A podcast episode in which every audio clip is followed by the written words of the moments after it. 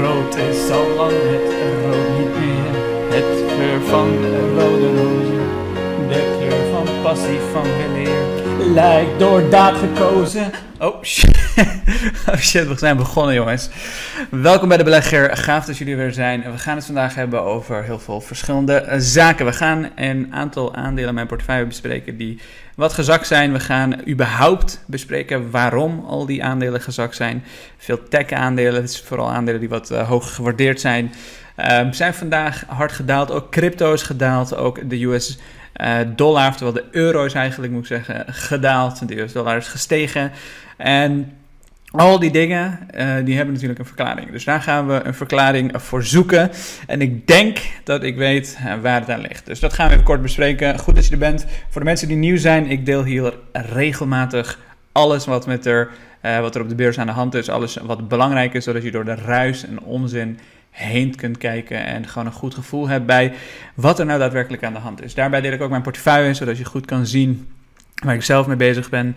En als je dat soort dingen gaaf vindt, laat even een like achter en zorg dat je abonneert. Want heel veel mensen, namelijk 50% van de mensen, die is gewoon simpelweg niet geabonneerd. Dus zorg dat je dat even doet. En nogmaals, goed dat je er bent. Want we hebben een vol agenda. Ik ga het proberen zo kort mogelijk te houden en zoals altijd zoveel mogelijk interessante informatie met je te delen. Maar laten we beginnen met wat er aan de hand is. Mijn portefeuille staat 7000 euro in de min. En dat terwijl de Giro me niet eens erin uh, liet, uh, liet, komen. Uh, de Giro dacht, ja, als, er, als, als we al die mensen nou niet kunnen laten inloggen op een portefeuille, dan weten ze ook niet dat hun aandelen in het rood staan. Nou goed, nu kan er nu in. Er staan uh, gewoon 7000 euro in de min. De um, beurzen die doen het eigenlijk niet zo heel erg slecht. Europa heel licht in de min.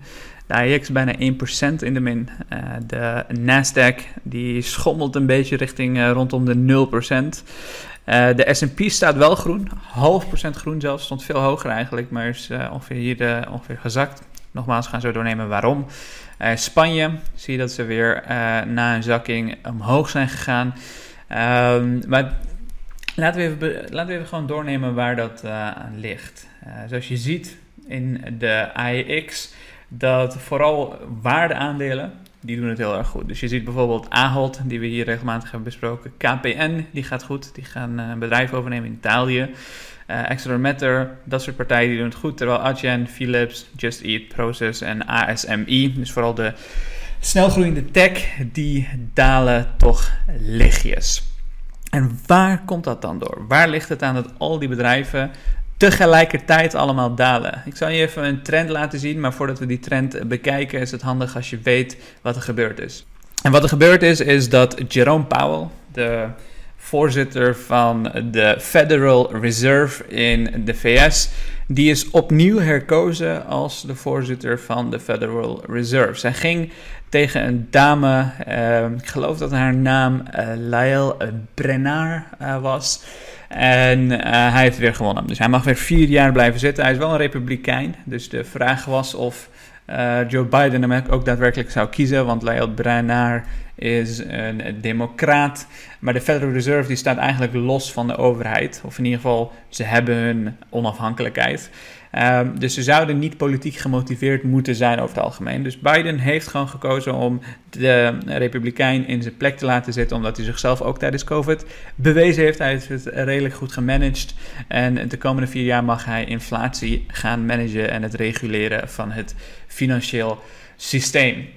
En Waarom is het zo groot nieuws? Waarom kan dit de markten bewegen? En is er überhaupt bewijs dat het de markten beweegt? Nou, laten we even kijken naar een aantal trends. Als je kijkt naar bijvoorbeeld de S&P, of, uh, of uh, laten we eerst even kijken naar de uh, 10-year treasury. Dit is de, de dit is, ja, dit zou, je zou kunnen zeggen dat dit de rentestanden zijn. Je ziet de rentestanden flink stijgen met ongeveer 5%. Dit, dit soort markten zijn over het algemeen niet zo volatiel, maar de afgelopen tijd zijn ze wel ontzettend volatiel, omdat er gewoon heel veel op macro-economisch niveau aan de hand is. De rentes die stijgen dus. En als je een beetje dit jaar hebt opgelet, dan weet je in het begin van dit jaar, dus eind vorig jaar, richting december, stegen die rentes gewoon gigantisch. Van 0,8 naar 1,7. Dus gewoon een verdubbeling van de rentestanden in die tijd.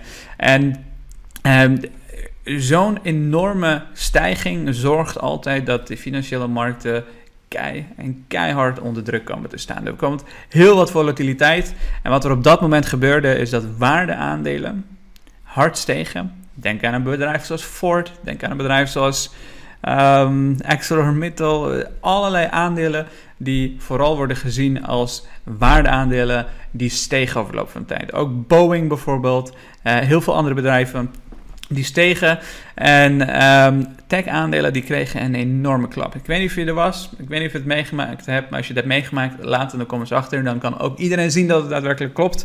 Maar dat is het moment dat aandelen, in ieder geval groeiaandelen, oftewel tech-aandelen, die kregen een enorme klap. Mijn portefeuille die ging van, ik geloof, zo'n wat was het? Um, bijna 4 ton richting de 320. En volgens mij raakte die zelfs nog de 280 of iets dergelijks. Ik weet niet meer precies wat het was, maar het, het, het ging flink, flink, flink, flink omlaag.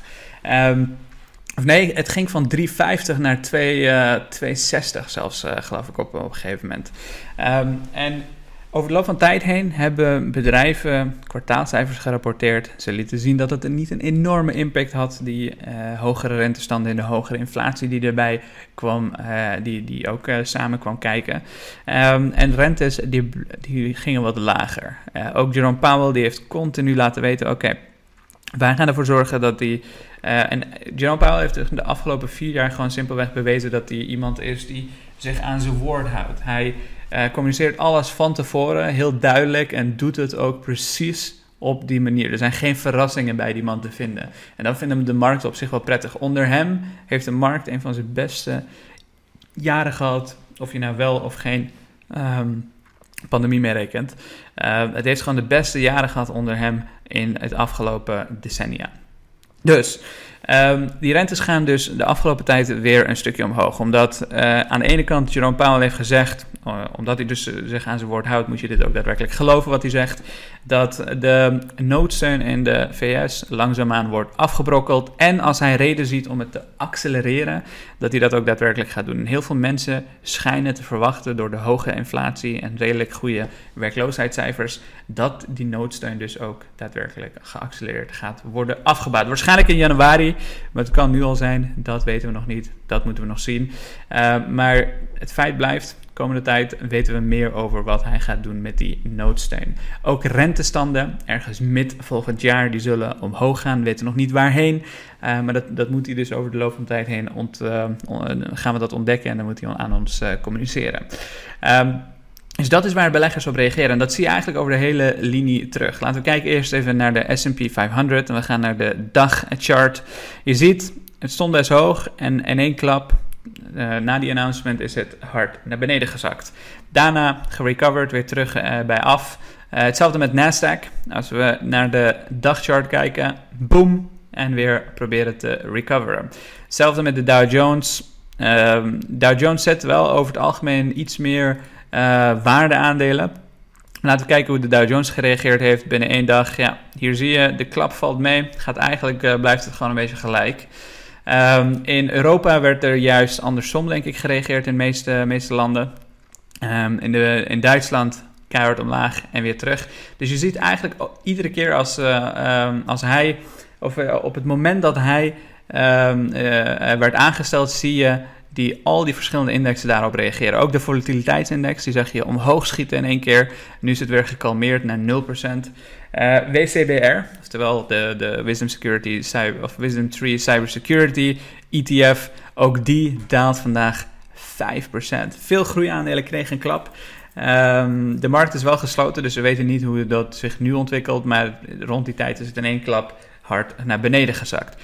Dus het heeft wel daadwerkelijk een effect gehad. Zodra duidelijk was wie het zou worden, en zijn plannen zijn al bekend, zijn heel veel groeiaandelen hebben gewoon simpelweg een klap gekregen. En over de loop van tijd heen zal die klap steeds duidelijker worden, zullen zijn uitspraken steeds duidelijker worden, zullen inflatiecijfers steeds duidelijker worden, zullen consumenten Um, uh, vertrouwen steeds duidelijker worden. En op die manier zien we over de loop van tijd heen wat het effect ook daadwerkelijk gaat zijn. En de bedrijven, nogmaals, die het gaan overleven, zijn sterke bedrijven met goede cashflows, een sterke marktpositie. En bedrijven die uh, dat misschien niet hebben en echt nog veel, veel te vroeg in de groeifase zitten, die zullen het wel wat moeilijker krijgen. Een voorbeeld daarvan hè, in mijn portefeuille is bijvoorbeeld Appian. Appian is een bedrijf waar ik relatief veel winst mee heb behaald. Totale winstverlies is ongeveer 10.000 euro. Mijn positie is ongeveer 8.000 euro erin. En ongerealiseerde winst is ongeveer 10 of 11 procent of iets dergelijks.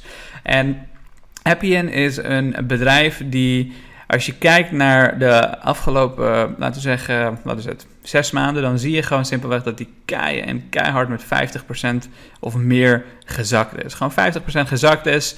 En dat komt omdat ze ten eerste afgelopen, afgelopen twee kwartalen redelijk wat kosten voor research and development uh, hebben moeten maken. Dus ze hebben daadwerkelijk slechter gepresteerd dan uh, normaal. Maar ook als je kijkt naar de afgelopen chart, je ziet Appian altijd een enorme piek hebben. En na die piek heeft het vaak een jaar, misschien zelfs anderhalf jaar um, uh, last van dalende koersen. Dus hier zie je bijvoorbeeld het helemaal stijgen naar uh, 40 per aandeel en dan helemaal terugzakken naar 26 per aandeel en langzaamaan weer terug naar 42 per aandeel en dan weer een jaartje of uh, anderhalf weer zakken naar 32 en weer omhoog naar 60 en dan weer een jaartje zakken naar 40, weer omhoog naar 63, jaartje zakken enzovoorts enzovoorts. En de reden is Appian die is gewoon één heel volatiel en twee er zit heel erg veel short op. Dus over verloop van tijd heen um, uh, zie je dat omdat er heel veel shorters op zitten, dat wanneer het stijgt, dat het ook explosief stijgt. En dat het daarna gewoon een hele lange periode nodig heeft om te recoveren. Uh, omdat ze kwartaalcijfers rapporteren, omdat die groei blijft uh, zitten. Ik vind dat zij in een hele belangrijke en interessante markt zitten, namelijk robot of RPA, of Robot Processing Automation. In een tijd waarin gewoon heel veel um, mankracht nodig is, zijn dit soort producten uniek. Ook UiPath, een concurrent van ze, is een bedrijf wat ik in de gaten hou. Die doet eigenlijk precies hetzelfde. En zij zorgen ervoor dat je eigenlijk veel minder medewerkers nodig hebt, omdat productiviteit omhoog gaat, omdat je heel veel processen automatiseert. En dat is uh, in tijden van inflatie, in tijden van personeelstekort, is dat gewoon cruciale software die je als bedrijf nodig hebt. Alleen is het wel relatief nieuw en heel veel bedrijven weten nog niet hoe ze het moeten implementeren. Dus het zal wel even duren. Maar ik heb nog steeds heel veel geloof in Appian ik denk dat het uh, helemaal goed gaat komen. Uh, en het is helemaal niet zo'n gek voor Appian om dit soort uh, patronen te laten zien. nu is het dan ja, wat dichterbij, hè, omdat je ziet van 2,45 naar 100 gezakt. Maar ook hier zag je van 42 naar gewoon 24 gezakt, weet je wel. Dus Um, het is niet gek voor Appian om dit soort, uh, dit soort zaken mee te maken. Nu is dit wel, echt een enorme short squeeze geweest. Dit is ook het moment dat ik 10, die 10.000 euro veilig heb gesteld. Um, en eigenlijk alleen nog maar met mijn inleg erin zit.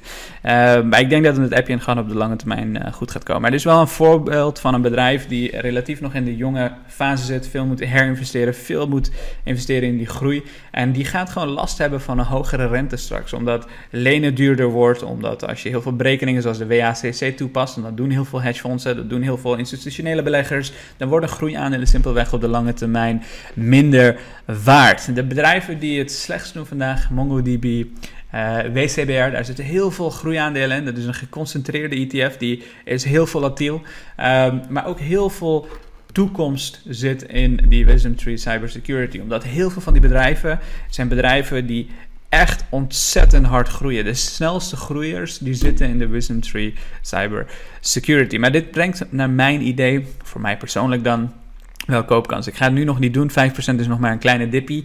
Uh, als het nog 10 of 15% zakt, dan ben ik de eerste die dit soort bedrijven gaat bijkopen. Ook Mimecast, de trade desk, die uh, herstelt wel wat. Die was helemaal naar 100 of 99 gezakt zelfs.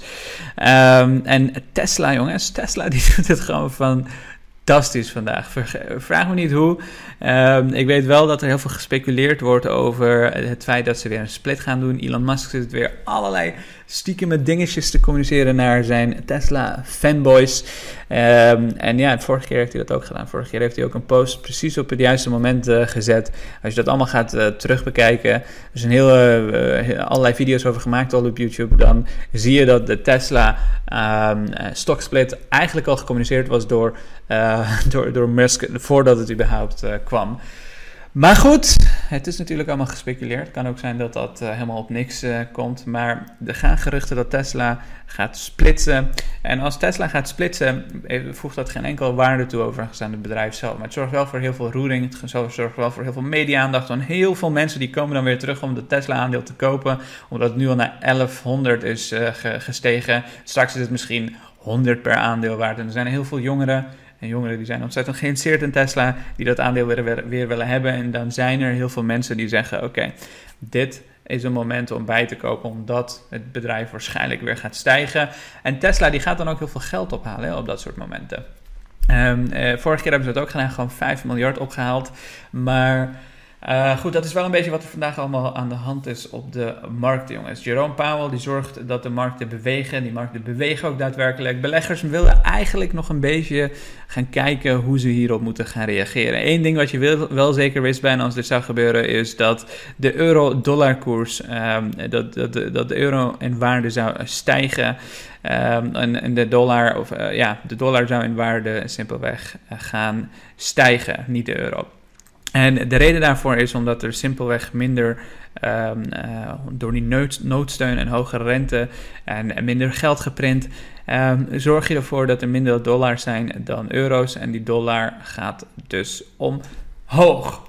Dat is fijn als je US dollars bezit. Ik bezit heel veel US dollars en die is de afgelopen tijd ongeveer 6, 7% in waarde gestegen. Dus dat is fijn om te zien. Ook vandaag gebeurt dat. En laten zien hoe zich dit over de loop van tijd heen ontwikkelt. Ik hoop dat je dit een leerzame aflevering vond. Ik hoop dat je er wat aan had. Laat me weten wat je van deze video's vindt. En nogmaals, als je deze video's tot het einde kijkt en je laat geen like achter. Um, dat zou ik ontzettend jammer vinden, jongens. Want uh, ik wil dat deze content namelijk verspreid wordt over een hele brede doelgroep. Zodat mensen zien hoe je op de lange termijn daadwerkelijk een vermogen kan opbouwen. Dank voor het kijken vandaag. En ik hoop dat je er uh, wat aan had. En trouwens, wat ik me herinner voordat we verder gaan. Um, wat ik herinner is ook even naar Bitcoin en goud gekeken. Want die hebben namelijk ook gereageerd. Dat is goud. Uh, goud heeft ook op dat moment precies is het, uh, naar beneden gezakt. Want wat je namelijk ook krijgt als uh, iemand als Jerome Powell um, weer herkozen wordt, is dat het verhaal dat inflatie tijdelijk is ook weer bevestigd wordt. Dat in, die, in dat verhaal uh, geloven mensen ook daadwerkelijk. Silver, precies hetzelfde. Ook eh, Bitcoin, die eigenlijk geen hashes tegen inflatie. Uh, daarom ging die ook initieel omhoog. ik weet dat ik hier heel wat mensen kwaad mee maak, maar hij ging wel initieel omhoog toen dit nieuws kwam. Want speculatieve assets, nogmaals, die doen het goed onder Powell over het algemeen. Ehm, maar hij ging wel eerst omhoog en daarna is het naar beneden gezakt. Goud, die reageerde meteen als naar beneden in plaats van eerst omhoog. Maar het bleef ook laag relatief. Um, maar goed, dat is, dat is alles. Dank voor het kijken. Voor de mensen trouwens die nog gebruik willen maken van de Black Friday actie om eeuwig lid te worden, check de link hieronder en maak gebruik van die geweldige korting om nog eeuwig lid te worden. Levenslang voor altijd toegang tot alles. Dank voor het kijken.